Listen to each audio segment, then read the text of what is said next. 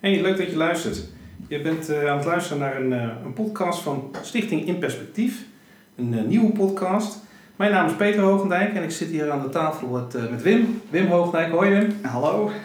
Wim, ehm, het is een tijdje geleden dat we in de lucht waren met een podcast. Kun je er iets over zeggen? Het is eindeloos lang geleden, lijkt wel. Zo'n zo anderhalf jaar zijn we eruit geweest. Een soort ja, pauze zou je kunnen zeggen. Ja, corona natuurlijk ook. ja, corona. En we hebben er nu weer zin in.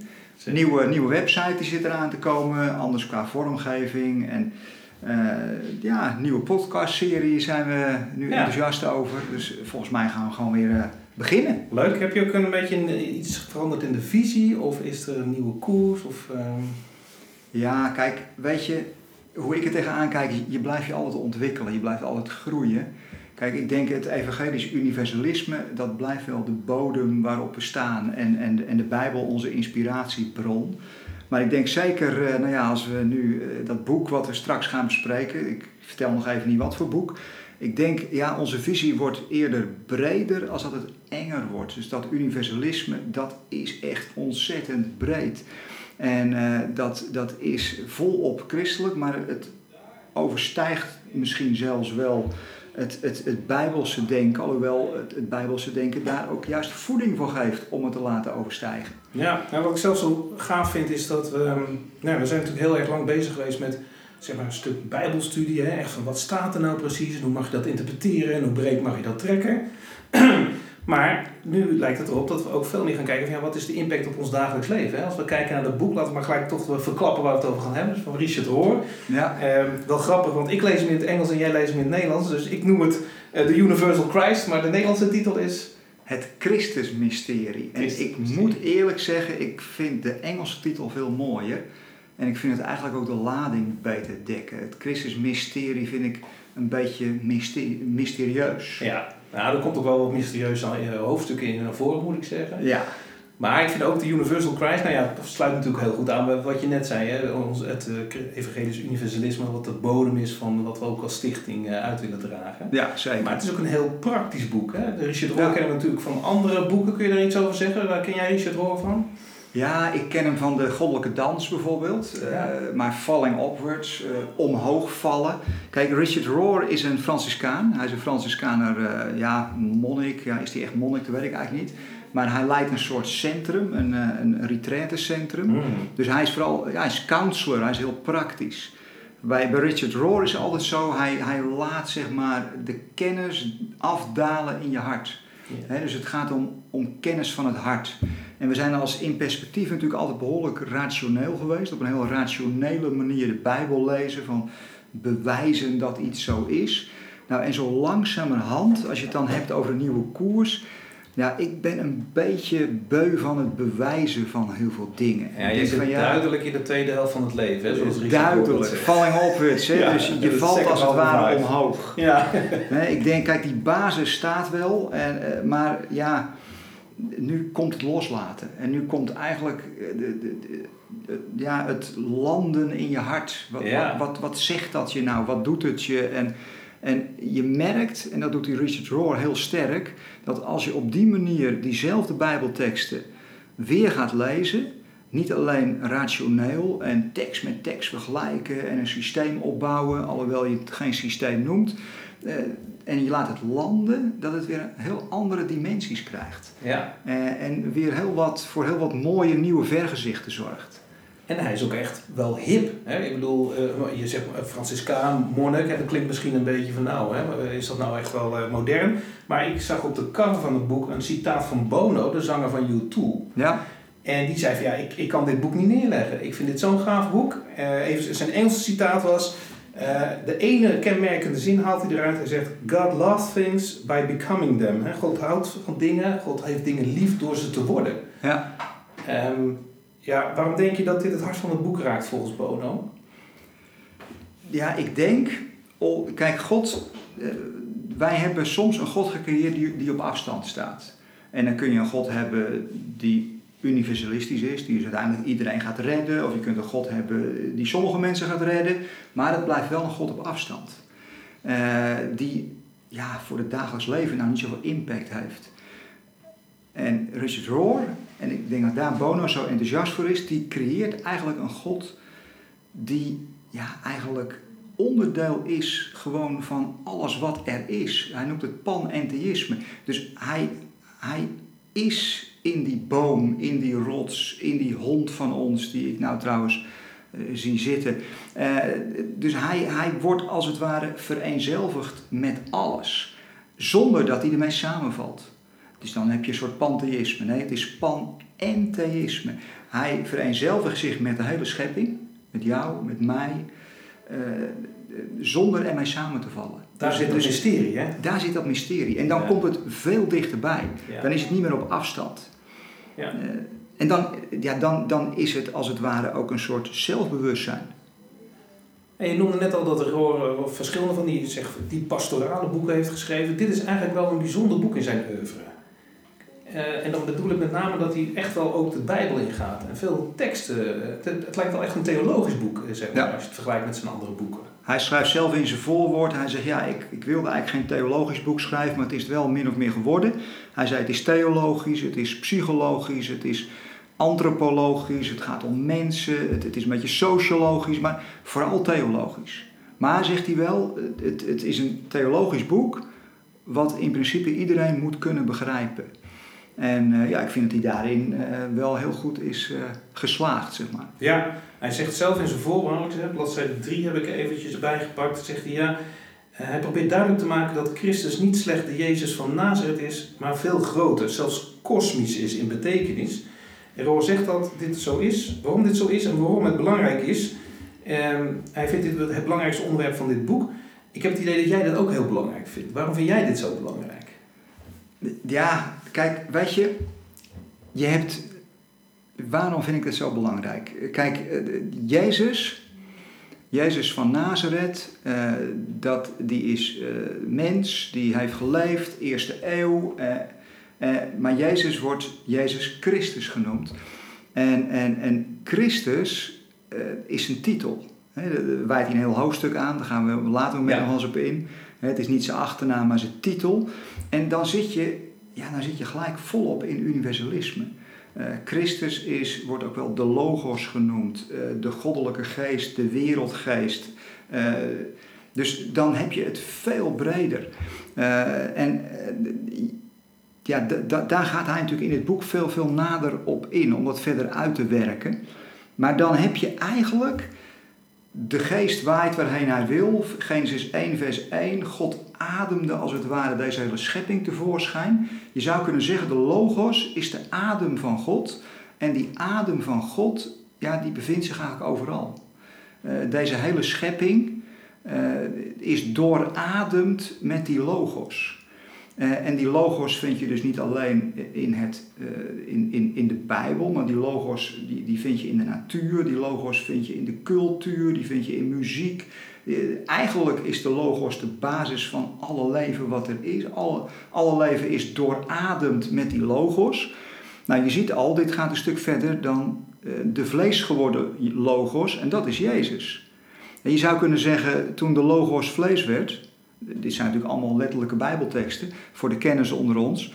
Eh, de logos is vlees geworden, oftewel het woord is vlees geworden en heeft onder ons getabernakeld. Dat was Jezus, Johannes 1. Toen die logos vlees werd, toen kwam die als het ware heel dichtbij. Toen werd het ook een mens. Toen kon je hem aanraken. Maar die logos is veel breder dan Jezus. En veel universeler dan Jezus. Roos zegt, daarmee heeft ten diepste alles zin. En hij noemt het zelfs een soort, ja, ik noem het maar even, een, een terugeisproject. Dat we dit kwijt zijn geraakt in het christendom. En we zijn het ook kwijtgeraakt in de geschiedenis. En toen dacht ik, nou ja, jij bent geschiedenisdocent, daar kun je vast wel iets over zeggen. Dat je dat kan beamen. Van waar zijn we dat kwijtgeraakt in de geschiedenis? Dat idee van de universele Christus. Ja, kijk, eh, Rol gaat er natuurlijk zeer uitgebreid op in. Hè? Dus, eh, maar hoe ik het een beetje heb opgevat is, uh, kijk, naarmate in het, in het Oosterse christendom had je veel meer een, een godsbeeld van God is inherent in alles aanwezig. Uh, en in het Westerse christendom hebben we veel meer een scheiding gemaakt tussen object en subject. dus we hebben veel meer gekeken. Je hebt de uiterlijke schepping. En nou, die uiterlijke schepping die heeft God eenmaal gemaakt. Die is af. En, en God heeft zich als het ware teruggetrokken. ergens in de hemel op zijn troon. En, ja, wij, en, en wij proberen dan van als mens contact met hem te krijgen. terwijl in het Oosterse christendom is God nog volop aanwezig in die schepping. Het is veel meer doorademd. dus daar is, daar is de natuur en, en alles wat er is nog veel meer een, een toegangspoort. En die toegangspoort hebben wij in het Westerse christendom veel meer afgesloten. Uh, en dat heeft toch wel alles te maken met de opkomst van het rationalisme, van wetenschappelijke revolutie, uh, object objectivisme, subjectivisme. Wij zijn subject, God is een object. dus, eh, en dat heb je in het Oosters denken veel minder. Ook in het Oosterse christendom heb je dat veel minder. En, en ja, daar hebben we, zijn we echt wel wat kwijtgeraakt. Toen zijn we eigenlijk een beetje de logos kwijtgeraakt. En we hebben Jezus overgehouden. Ja, uh, jij noemde net, de opkomst van het rationalisme, zeg maar even de voortschrijdende wetenschap. We dachten dat we het ook zelf allemaal wel konden zonder uh, God en, en, en de eenwording. Maar Roog geeft heel duidelijk aan, hij haalt het soms hier ook daar aan, um, de nieuwe inzichten in wetenschap. Dat hij, hè, hij gaat over de kleinste deeltjes praten in het boek, dat juist nu weer, nou dat we op een beetje op het spoor komen hoe de werkelijkheid ten diepste in elkaar zit, op dat allerkleinste uh, niveau, dat dat nou juist weer inzicht geeft in dat eigenlijk alles met alles verbonden is. Ja, dat is eigenlijk waanzinnig. Hè? Ja. Ik, uh, ik, pas geleden, als je er nog eens naar kunt luisteren, moet je echt doen. Die, uh, die van, van Rob Bell, uh, zijn Everything is Spiritual Tour, vooral die uit 2016. Je kunt hem zo op, op YouTube opzoeken. Rob Bell, Everything is Spiritual 2016. Anderhalf uur lang legt hij dit eigenlijk uit.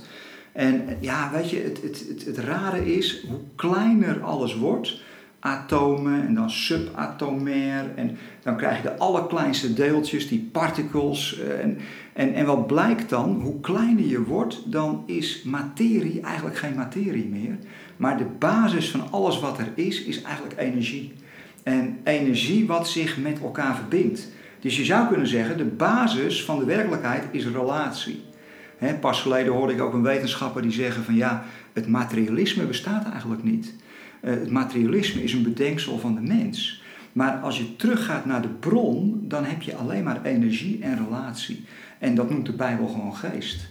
Met andere woorden, het bewustzijn is de basis van alles. Hoe gaaf en, is dat, en, en materie, ja, het is zelfs maar de vraag of die bestaat, materie. En dat hebben wij bedacht met ons bewustzijn. Dus het is eigenlijk omgekeerd.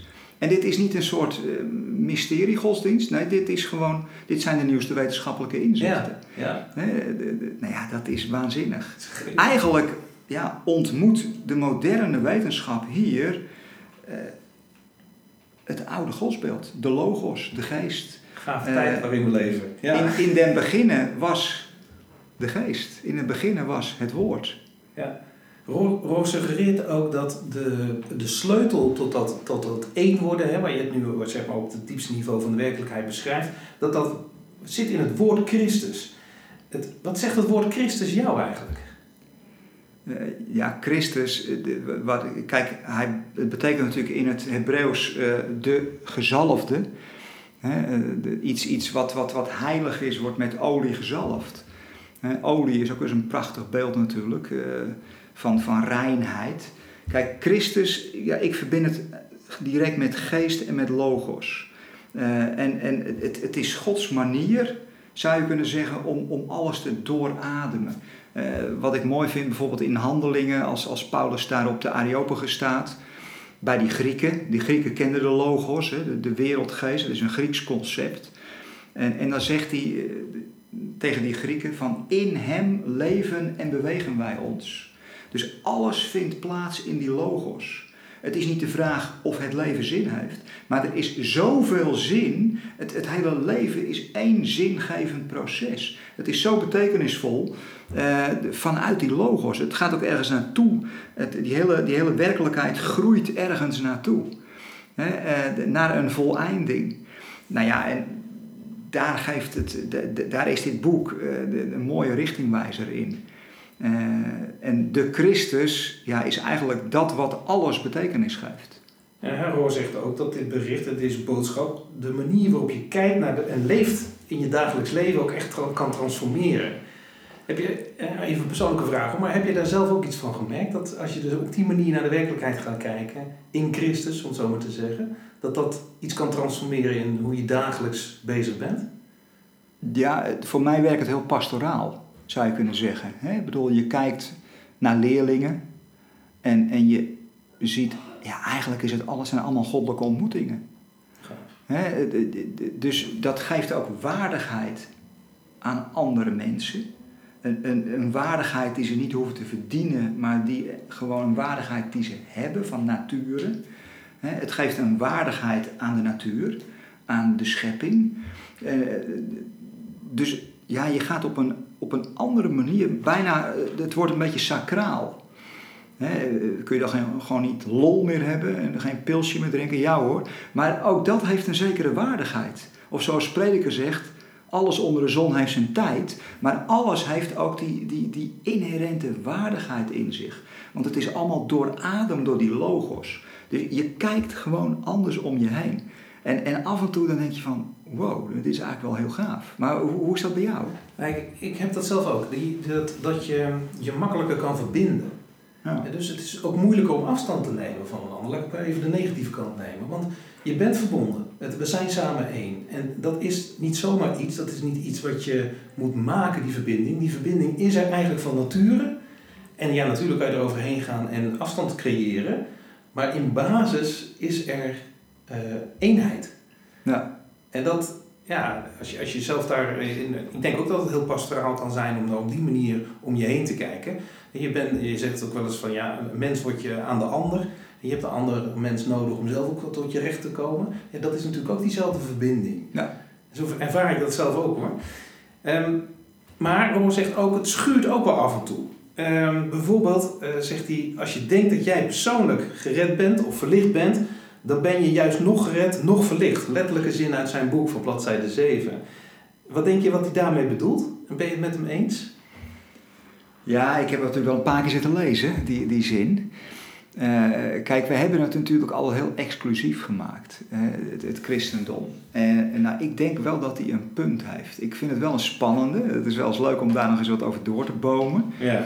Maar ik denk, ja, eh, weet je, als je het exclusief maakt, dan raak je eigenlijk het inclusieve kwijt. Uh, en, en dan ga je je afzonderen van de logos, als het ware. En ja, dan, dan zet je jezelf er eigenlijk min of meer buiten. Uh, kijk, als, als, als iemand inclusief zegt van jongens, ik hou van jullie allemaal. En een klein onderdeel van die club zegt ja, maar God houdt van ons en eigenlijk niet van de rest. En, en, en de rest die hoort er niet bij en wij horen er wel bij. Want wij hebben bepaalde eigenschappen, we geloven bepaalde dingen die anderen niet geloven. Ja, dan heb je eigenlijk van 1 Korinthe 13 uh, en van de uitspraak God is liefde nog niet zoveel begrepen. En dan ga je het toch exclusief maken. En, en dan, ja, dan, dan wordt het wel bijzonder uh, ja, hooghartig. In zekere zin. uh, en dan wordt het wij en zij. En, en dan komt er verdeeldheid. En dan komt er oordeel. En dan komt er en, en dan zit jij altijd aan de goede kant van de streep en de andere altijd aan de slechte kant van de streep. Die moeten dat ondergaan. En uh, de, de, de, genade, dat vindt, ja, heeft eigenlijk niet echt betekenis meer. Want genade is onverdiend. Maar dan heb je toch min of meer verdiend, want je bent exclusief. En als genade voor iedereen is, ja, dan komt er kritiek op. Want kan dat dan zomaar? Ja, dat moet zomaar. Dus ja, zo sta ik er een beetje in. Je, je merkt het wel, ik ben er wat mee aan het spelen. Ja. Uh, maar ik denk in wezen dus dat ik het wel met hem eens ben. Spannend. Ja. Komen we nog wel een paar keer tegen, denk ik, in het boek. Hey, het doel van de, deze podcastserie willen we echt ook in de lijn van het doel van het boek. Hè. Roor zelf beschrijft dat, dat, als, uh, ja, dat iedereen zou dit moeten kunnen begrijpen en ook moeten kunnen, kunnen zien en inzien. En ook maar vooral ook van kunnen genieten. Van het idee dat, ja, dat er zo'n diepe eenheid in de werkelijkheid is uh, vanuit Christus. En ik vind het wel een spannende, maar we, zouden misschien wel goed aan doen om een, een gebruik van roer als Franciscaan over te nemen. in deze podcast. Uh, ik vind het zelf wel een beetje lastig. Hij noemt het zelf de Lectio Divina. Ik denk dat jij daar nog wat, wat meer over kan zeggen zo. Maar het heeft voor mij iets van een contemplatief lezen. En dat, dat dieper gaat dan alleen het mentale begrijpen. En um, dat, doet hij, dat stelt hij voor door dat te doen door een gat te laten vallen. En, en, en, gewoon straks een zin voor te lezen en dan een poosje die zin gewoon te laten staan. En niet direct te vullen met, met antwoorden of uitleg. En um, een voorbeeld, misschien om daarmee te beginnen. Ik heb een zin uh, uitgekozen die hij dan ook uh, cursief heeft gemaakt in zijn boek. En hij zegt van ja, als je nou die zin leest, dan moet je misschien nog een keer lezen en nog een keer uitspreken, maar dan eventjes niet gelijk op reageren. Laat nou eerst eens de impact van wat daar nou staat op je inwerken. Nou, dan komt hij hoor, de zin. Christus is overal. In hem heeft elk soort leven betekenis en een vaste verbinding. Dus Christus is overal. In hem heeft elke soort leven betekenis en een vaste verbinding. Mijn vraag is eigenlijk, komen er nu direct allerlei vragen of heb je direct een oordeel of een nuancering? Um, wat, wat, kwam er bij jou boven, Wim? Ja, een associatie. Ik moest onmiddellijk denken aan de psalmen waar steeds eh, wordt geroepen van uh, ja, de heerlijkheid van God vervult de aarde. Dat is eerst wat mij opkwam. De doxa, de heerlijkheid, de glans van God. En daar is de aarde vol van. En ik zie dan een beetje, nou ja, een zon, een zonsondergang en dan zie je die prachtige glans. En ik denk van ja, zo zit die glans van God zit overal in verborgen. En, en misschien dat je inderdaad door stil te zijn en door je daarop te focussen, of misschien wel nergens op te focussen, maar dat in je gedachten ergens te houden, dat je je meer bewust wordt van die glans. En, en dat die steeds meer gaat oplichten. Hè? Dat Christus is overal. Prachtig. En, en bij jou? Ja, ik, moest, ik voelde me een beetje verwant met, uh, met Roor zelf. Die uh, draagt dit boek op aan zijn hond. En ik heb vroeger een hondje gehad, Duska heette die. En um, toen ik dit las, dacht ik, elk soort leven betekenis. En hij is er vast van overtuigd dat Christus ook in zijn hond was. Dat zegt hij ook letterlijk in dat boek. Ja. Ik heb zo nooit naar mijn eigen hond durven kijken, maar ik weet wel dat ik nog steeds een verbinding voel met het hondje. Hondje is al lang overleden. Ja. Uh, je kan van een dier houden op een manier waarop je ja, blijkbaar een verbinding aangaat die je later, nou ik ben nu uh, een flink stuk ouder, je ook nog kunnen ontroeren. Als je terugdenkt aan wat je meegemaakt hebt met het hondje en hoe die altijd achter je aanliep en altijd blij was om je te zien. En ja. Je hebt een hond, ik zie niet Ja, ja, zeker. Dus ook dat dacht ik van ja, dat heeft wel iets heel dieps eigenlijk. Dat je dat nou, ik durf dat eigenlijk nog steeds niet heel echt te geloven dat er honden in de hemel zijn, om het zo maar te zeggen. Maar ja, hij zegt toch wel met zo'n zin dat elk soort leven betekenis heeft en een vaste verbinding met al het andere. Ja, ja dat is wel heel gaaf. Ja, ja. als je die liefde dan ook toe kan laten, ook voor, een, of voor je huis die je dan, ja, dat er dan ook bij hoort. Um, Gaaf, hè, zo'n oefening eigenlijk wel. Nee, absoluut. Ja. Dat moet, moeten we eens vaker doen. Nou ja, kijk, weet je, ik, ik denk deze podcast, kijk, het is natuurlijk prachtig als je zegt, uh, wij verdienen niks aan het boek hoor. Uh, maar het, het, is denk ik ja, mooi om het boek aan te schaffen, om het ook zelf na te lezen. He, hij is gewoon verkrijgbaar in het Nederlands, uh, ook in het Engels. De, deze podcast, nou, ik denk dat we proberen eh, dat moet toch lukken dat ook als je het boek niet gelezen hebt, dat het wel gewoon begrijpelijk is en dat je het gewoon kunt volgen. En zo af en toe eh, laten we de lijn van Roar ook een beetje los en laten we onze eigen gedachten er wat over gaan. Het is niet ook dat we een fanclub van Richard Rohr hebben opgericht, maar we willen gewoon dit boek eh, wat, wat doorlopen met elkaar, omdat de thema's ons bijzonder aanspreken. En, dat we er zelf ook heel veel van leren. En, en, en zo af en toe denk ik van ja, ben ik het dan altijd met hem eens? Ja, dat weet ik eigenlijk niet. Eh, misschien ook helemaal niet zo interessant, maar daar komen we vanzelf wel op. Ja. wat ik bijvoorbeeld heel leuk van hem vind. En uh, ja, ik vind dat gewoon grappig. Ik weet niet of ik het met hem eens ben, maar dat hij zegt van ja, als je God wil leren liefhebben, begin dan eens gewoon met het liefhebben van bijvoorbeeld een steen. Of met het liefhebben van een boom. Dan moest ik onmiddellijk denken aan prinses Irene. Daar heb ik vroeger heel veel grappen over gemaakt. Ja. Eh, de, de bomenknuffelaars. dacht ik van, verrek nog eens aan toe zegt. Ik zal er nu geen bomenknuffelaar gaan worden. Maar eh, ja, probeer, eh, want het is inderdaad als alles betekenis heeft. En als alles doorademd is door die logos. Hè, de, de, eigenlijk al vanaf het begin Ja. is alles energie. Eh, en, en is die goddelijke energie, Efeze 1 citeer ik maar, die goddelijke energie is werkzaam in alles. Eh, zegt Paulus in Efeze 1. Eh, ja, dan kun je dus ook een boom lief hebben. Of dan kun je op een plek waar je woont leren liefhebben. Op een ander niveau. En daar dingen. En, en ja, als dat zo is, en, en zo langzamerhand klim je op. Eh, jij was al bij een hond. Eh, je bent ook al een aantal jaren getrouwd, dus het is wel ook dat bij je vrouw zo dat- zijn en bij je kinderen. Nou, dat geldt voor mij ook. Hè? Maar misschien dat we soms inderdaad te hoog grijpen. Maar ja, en dat is natuurlijk ook Jacobus. Jacobus die zegt van ja, of, of Johannes, eh, die zegt van ja, jullie zeggen dat je God lief hebt, maar je, je broeder haat je. ja. Dan heb je God ook helemaal niet lief. Dus ja, er zit wel wat in, in die rangorde van liefhebben. In ieder geval zit er ook een stuk humor in, als we het over Absoluut. hebben gaan houden. Hey, de volgende keer gaan we aan hoofdstuk 1 beginnen. En eh, nou, die heeft bijvoorbeeld ook wel een humoristische titel. Hè? Dus Christus is niet Jezus' achternaam. Ik vond dat eigenlijk wel een stuk humor. Dat zijn misschien wel mensen die dat, eh, die dat denken. Hè? Jezus Christus hoor je dan. En dan Ja. dan klinkt het alsof het soms ook als een vloek helaas. Maar het is, het is een andere naam voor alles, voor elk ding, zegt Roor. Dus ik, leuk als je de volgende keer ook weer luistert, luisteraar, naar hoofdstuk 1 van Richard Roor. hey, eh, zijn we er weer samen? Hè? Leuk? We, Ja. gaan we gaan lekker de draad weer oppakken zo. Super. Tot de volgende keer. En eh, ja, ik wens je veel eh, zegen toe, ook de komende week, weken. Tot ziens. Hoi hoi.